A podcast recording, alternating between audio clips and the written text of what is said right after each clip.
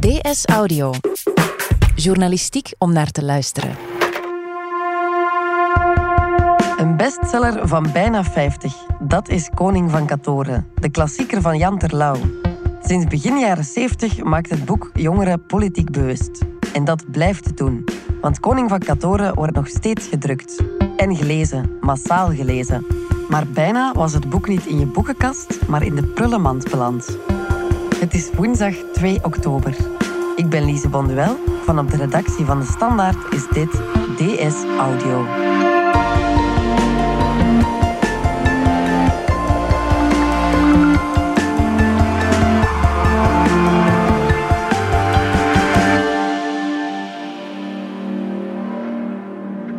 De standaard. Jullie hadden gisteren een mooi artikel, zag ik, hè? Ik kreeg het toegestuurd. Sarah van Kerschaver, binnenlandjournaliste van De Standaard. Neem ons eens mee naar dit moment. Wanneer is dit? Waar ben je? Wat gebeurt er? Dit was vorige vrijdag, 27 september. Ik was toen in een hotel in Brussel. Ik zat heel dicht bij het rechteroor van Jan Terlouw. En waarom daar precies? Wel, zijn linkeroor begint uh, stil aan dienst te weigeren. De man is al 87 jaar, dus dan kan dat al eens gebeuren. Maar ik had dus daar, in dat hotel in Brussel, met Jan Terlouw afgesproken. Aangenaam, met Sarah. Jan Terlouw. Aangenaam. Jan Terlouw. Jan Terlouw, ja. Oud-minister, vicepremier zelfs, voor de Nederlandse partij D66. Partij die we in België niet echt hebben. Nee. Een soort kruising tussen de SPA en de Open VLD. Maar Jan Terlouw is natuurlijk vooral bekend als schrijver, als jeugdschrijver uh, van boeken als Oorlogswinter, Piotr, uh, Oosterschelde, Windkracht 10. Ja, boeken die eigenlijk bijna iedereen gelezen heeft. Hè? Toch heel veel mensen, ja. Hij blijft daar zelf oprecht verwonderd over. Uh, je zou hem valse bescheidenheid kunnen verwijten, maar ja, het is een Nederlander. um, hij blijft ook ja, nog altijd uh, over leven en werk in gesprek gaan met mensen. Geeft nog heel veel lezingen. Ik heb afgelopen zondag nog voor het Apostolisch Genootschap in Emma gesproken. Hij heeft denk ik een drukker leven dan mij. Ook al is hij bijna 60 jaar ouder. Morgenochtend moet ik weer wat doen in Nederland. Ja, vorige vrijdag was het dus aan mij en kreeg ik de kans om hem te interviewen. En om het ijs te breken legde ik meteen het boek op tafel um, ja, waarover ik met hem wilde praten. Vroeg ik meteen of hij er iets uit wilde voorlezen. Dat is goed. Ja, zie dat? Ja. Bril zitten in uw borstzakje. Dus, uh... Ja, ik kan het wel aardig zo ja? zien. Okay. Dat boek is wellicht nog altijd zijn bekendste boek. Koning van Katoren. En uh, daar leest Jan Terlouw de eerste zinnen uit voor. Deze geschiedenis gaat over het land Katoren. Koning van Katoren was uh, een van de eerste boeken die hij geschreven heeft. Het begint op een nacht 17 jaar geleden. Hij heeft geschreven in 1971, toen hij zelf al 40 was. Voor de koning was het de laatste nacht. Hij stierf. Terlouw leest hiervoor uit een exemplaar dat ik uh, uit de boekenkast haalde van mijn vader. Ik denk eerlijk gezegd dat er heel weinig boekenkasten zijn in Vlaanderen waarin dat boek niet staat. Hij was 80 jaar en moe van het regeren. Ja, iedereen blijft het ook lezen, ook nu nog. Koning van Katoren is een evergreen. Het is een boek dat van ouders op kinderen overgaat en intussen wellicht ook stilaan op de kleinkinderen. Als ik sterf, had hij dikwijls gezegd, moet het stormen en hagelen. Koning van Katoren is al aan zijn 64ste druk toe. Ja, dat is gigantisch. Ja, en jongeren blijven Koning van Katoren niet alleen lezen. Ze blijven er ook boekbesprekingen over maken. Als je Koning van Katoren bijvoorbeeld googelt, in combinatie met boekbespreking of boekverslag, dan krijg je meer dan 10.000 hits. En uh, ja, dan merk je toch dat het boek jongeren blijft inspireren. Het was daarom trouwens ook dat Jan Terlouw hier in Brussel was vorige week, uh, om jongeren te ontmoeten en om met hen in debat te gaan. Nou, ik ben heel erg fan van Jan Terlouw, persoonlijk. Terlouw was hier op uitnodiging van de Buren. Dat is het uh, Vlaams-Nederlands Cultuurhuis. Mm -hmm. En die hebben twee middagen rond Koning van Katoren georganiseerd. Twee middagen waarop Vlaamse en, en Nederlandse tieners uh, over Koning van Katoren hebben gediscussieerd en gedebatteerd. We hebben zowel verschillen als overeenkomstige meningen. En je kunt daar echt wel veel uit leren en halen. Dus het is heel leerrijk. Ik vind het zeker aan te raden voor andere mensen. Ook om te leren van hoe fucked up dat het eigenlijk gaat met, uh, met, uh, gewoon met de mensheid vandaag. Want is misschien al een oud boek, maar dat slaat wel nog altijd op het leven van vandaag.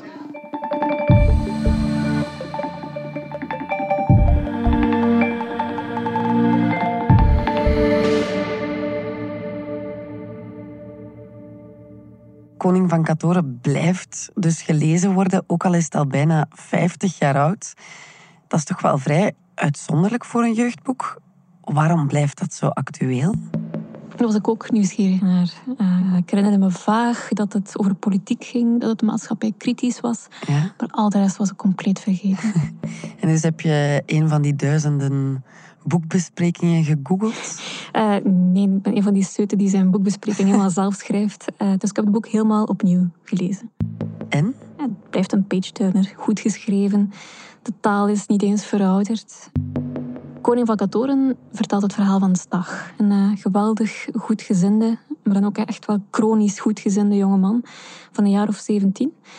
Um, hij wil koning worden van het land Katoren Mhm. om het opnieuw leefbaar te maken.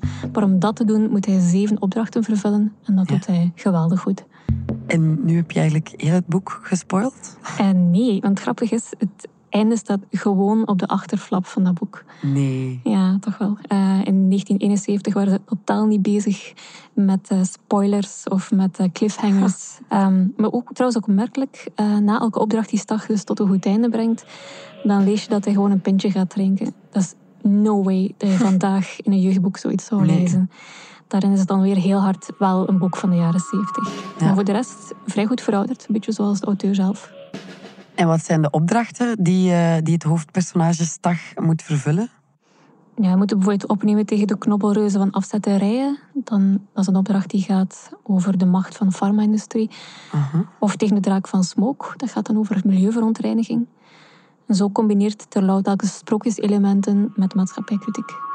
Ja, en al die thema's zijn ook nu nog altijd actueel. Absoluut. Het boek deed mij denken aan een, eh, een uitspraak van een literatuurcriticus, een Britse literatuurcriticus. En die zei dat een groot deel van het boek dat een auteur schrijft, niet geschreven wordt door de auteur zelf, maar door de wereld waarin dat hij leeft. En die wereld van begin de jaren 70, toen Jan Terlouw het boek schreef, Koning van Katoren, ja, die is blijkbaar nog niet echt veranderd. Het gaat nog steeds over de worsteling met het klimaat. Het gaat nog steeds over wapenwetloop, want er is er gewoon een nieuwe bezig. Ja, Jan Terlouw weet natuurlijk wel dat Koning van Katoren een van zijn grootste successen is geweest. Hij heeft er een gouden griffel voor gekregen. Dat is een van de belangrijkste jeugdboekprijzen. En het boek heeft ook bijzonder goed verkocht. Vele honderdduizenden. Het is ook in, weet ik veel, twintig talen vertaald of zoiets. Het is echt, ja, het is een boek wat het gedaan heeft en nog doet. Na al die jaren. En dat is voor mij een enorme verrassing. Ja, Jan Terlouw wist dus eigenlijk niet direct dat dat een evergreen zou worden. Hè? Nee, blijkbaar echt niet. Je moet ook weten dat hij natuurkundige was. Ja, dat was zijn achtergrond. Later ging hij in de politiek. Maar schrijven, ja, nee. Eh, niet per se zijn ambitie. En nog straffer vertelde hij mij, was... Ja, hij hield niet van schrijven. Want ik ben links en ik moest het rechts leren. Dus van de motoriek hield ik niet. Het leven kan toch heel verrassend zijn. Hè? Maar hoe wordt een man die niet van schrijven houdt, hoe wordt zo'n man dan schrijver? Daar heeft zo'n man blijkbaar een vrouw voor nodig. Die merkt dat hij talent heeft en die hem daarin aanmoedigt. En zo ging dat toch ja, bij Anterlo. Er was totaal niet op gerekend. Niets wees erop dat ik een schrijver zou worden. Ik vertelde dat wel. Ik schreef niet. En kijk, als ik niet een vrouw had gehad die daar een één stuk door op had aangedrongen. Schrijf op, schrijf op. Je zegt mooie dingen, schrijf op. Ah joh. Het wordt nog straffer. Koning van Katoren lag aanvankelijk in de prullenmand en zijn vrouw heeft het eruit gevist. Hoezo? Ja, Jan Terlouw vertelde dat zijn eerste uitgeverij, die vond er echt maar niks aan eh, toen hij zijn manuscript had ingestuurd. Die zeiden, dat, Dat is nou nou jammer. jammer. Maar dat is niks. Dit vinden we op de uitgeverij allemaal niks. Dus nee. Waardoor ik tegen mijn vrouw kon zeggen: Zie je nou wel? Dat mij nog maar natuurkundige zijn en politicus, maar ik ben helemaal geen schrijver. Weg ermee. Maar mijn vrouw die haalde het uit de prullenmand en zei: Dit is het beste wat je tot dusver hebt geschreven, dus naar een andere uitgever. Dus Koning van Katoren, een van de meest succesvolle jeugdboeken ooit toch wel in de Lage Landen, was er bijna nooit gekomen. Klopt. En zelfs de uitgeverij die Terlouw nadien contacteerde, ook die, ja, die geloofde er niet meteen in. Die was ook Kritisch, zei, ja, er heleboel aan veranderen voordat ik kan uitgeven. Maar het heeft wel wat. Dus ga maar veranderen. Ik zei, ja, wat dan? Ze zeggen, wat? Ja, nou oké. Oké, je hoort van me. Na een poosje kwam die zei, ik geef het zo uit. Ik zei, hoe dat zo? Ja, mijn vrouw heeft het voorgelezen aan allemaal jonge mensen. Van 9 tot 29. En die vonden het allemaal mooi. Dus, uh, nou, probeer maar. Gouden griffel. Gek, hè? Kan het leven toch vreemd lopen? Het leven kan vreemd lopen, zegt Jan Terlouw. Maar dat is het eigenlijk blijven doen voor hem. Uh, twee jaar geleden bijvoorbeeld, toen was hij 85. Toen deed hij het internet ontploffen, tot zijn eigen grote verbazing. Hoe dan? Ja, ze hadden hem uitgenodigd op uh, het televisieprogramma De Wereld Draait Door. Het programma op de Nederlandse televisie met Matthijs van Nieuwkerk. Ik had een boek geschreven, Het hebzuchtgas. Ik werd 85 jaar. En Matthijs van Nieuwkerk van De Wereld Draait Door... die zei, je mag het hier presenteren en we willen je een cadeautje geven. Als je wilt, dan mag je het Nederlandse volk zeven minuten toespreken. Wil je dat? Ja, natuurlijk wil ik dat. Waar we het over hebben.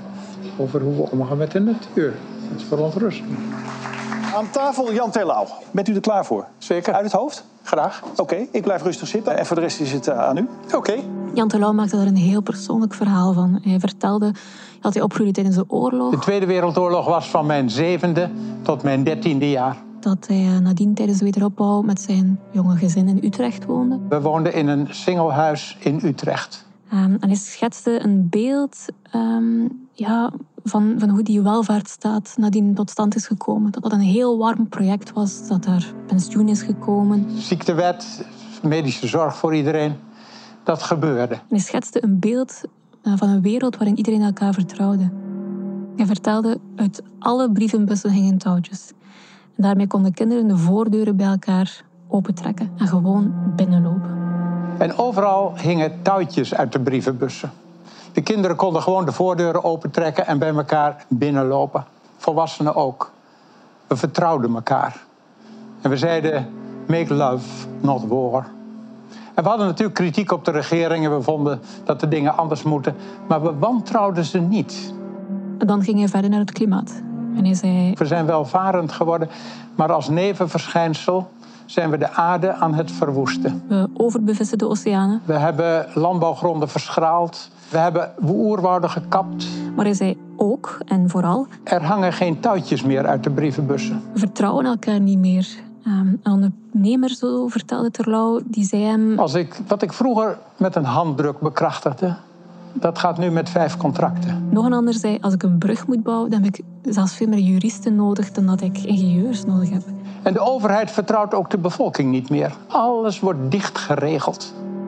Ja, en aan het eind van dit hele betoog pleit hij dus voor een samenleving waar we opnieuw de touwtjes uit de brievenbus laten hangen. En na de show reed hij gewoon naar huis. Ik verwachtte daar verder niks van. Ik kwam thuis. Mijn vrouw met mijn oudste dochter die hadden het zitten bekijken. En mijn dochter die zei, nou, je weet niet wat er gebeurt. De, de, de, die sociale media ontploffen. En zo ging Jan Terlouw op zijn 85ste viraal. Terwijl, zo vertelde Jan Terlouw mij, uh, hij niet eens wist wat dat was, viraal gaan. Zijn dochter heeft het moeten uitleggen.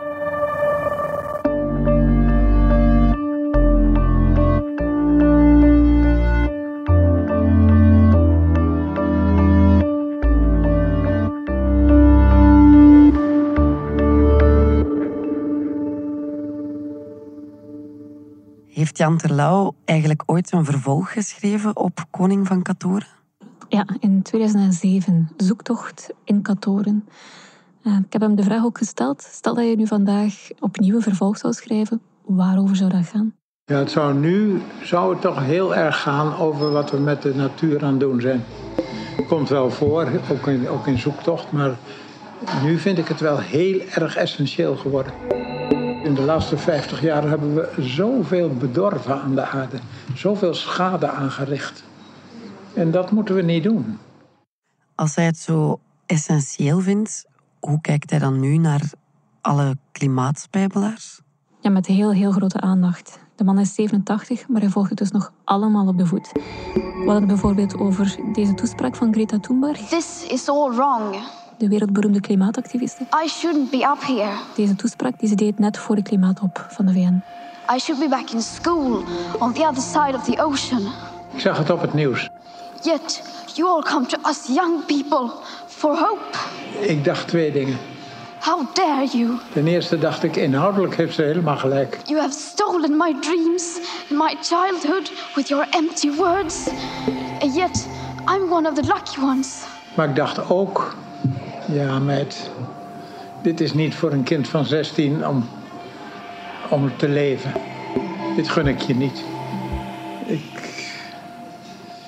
ja, een, een meisje van 16 wat, wat dit doet, dan denk ik, gun je toch een ander leven. Al heb je nog zo hard gelijk. Als Terlouw zegt dat gun ik Greta Thunberg niet, dan bedoelt hij ik wou dat dit haar bespaard was gebleven. Uh, nu, wat later in het gesprek zei ook wel dat de klimaatprotesten hem hoopvol uh, stemmen. Hij zei in de jaren 70, dus ten tijde van koning van Katoren, toen werd er veel betoogd. Uh, en die betogingen die gingen altijd over. Ideaal. Anti-apartheid in Zuid-Afrika. Anti-neutronenbom. Dus die gingen niet over geld. Als er nu al een keer een demonstratie is, dan gaat die over geld. Wie betaalt de studiefinanciering enzovoort? Wie betaalt de kinderopvang? Maar nu zegt hij, nu komen jongeren voor het eerst in lange tijd niet op straat voor geld. Maar voor een ideaal, een beter klimaat. En dat vind ik dan weer heel verheugend. Maar uh, Greta Thunberg en de klimaatspijbelaars, die wijzen natuurlijk wel met een heel erg beschuldigende vinger naar de generaties boven hen. You are failing us. Zij zijn het die die wereld om zeep geholpen hebben. But the young people are starting to understand your betrayal. Zij zijn het die niet ingegrepen hebben. The eyes of all future generations are upon you. Ook de generatie van Jan Terlouw. And if you choose to fail us, I say we will never forgive you. Ja, ik heb ook voor Jan Terlouw zijn voeten gegooid. En hij zei als een wijze opa, ja, ik begrijp dat.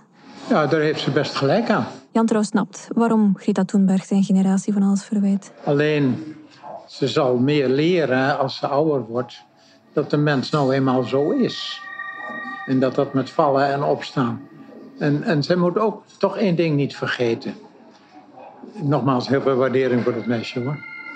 Maar de vooruitgang van de publieke moraal is geweldig. Als je ziet hoe in 400 jaar... Het is nou 400 jaar in de geschiedenis van de mensheid. Maar 400 jaar geleden martelde de overheid nog verdachten tot ze bekenden. 400 jaar geleden was er slavernij. 200 jaar geleden was er slavernij. En alle godsdiensten vonden het prima. Het is de democratische rechtsstaat waar de slavernij niet in paste. En die hebben het afgeschaft. Als je kijkt, 120 jaar geleden zat Oscar Wilde in de gevangenis, de schrijver. Waarom? Homoseksueel. Dat doen we niet meer. 50 jaar geleden in Nederland had een vrouw niet dezelfde rechten als een man. Als ze trouwde, mocht ze niet meer bij de overheid werken, bijvoorbeeld. Dat doen we niet meer. Wat een vooruitgang. Dus Greta, het is niet alleen maar kommer en kwel. Het is ook een geweldige morele, publieke vooruitgang. Dat moet je ook niet vergeten. Dat moeten we inderdaad misschien niet vergeten. Sarah van Kerschaver, dank je wel. Graag gedaan. Dit was DS Audio. Wil je reageren? Dat kan via dsaudio.standaard.be. In deze aflevering hoorde je Sarah van Kerschaver en mezelf, Lise Bonduel. De redactie gebeurde door Fien Dille. De eindredactie door Wouter van Driessen. Brecht Plasgaard deed de audioproductie. Brecht schreef ook de muziek.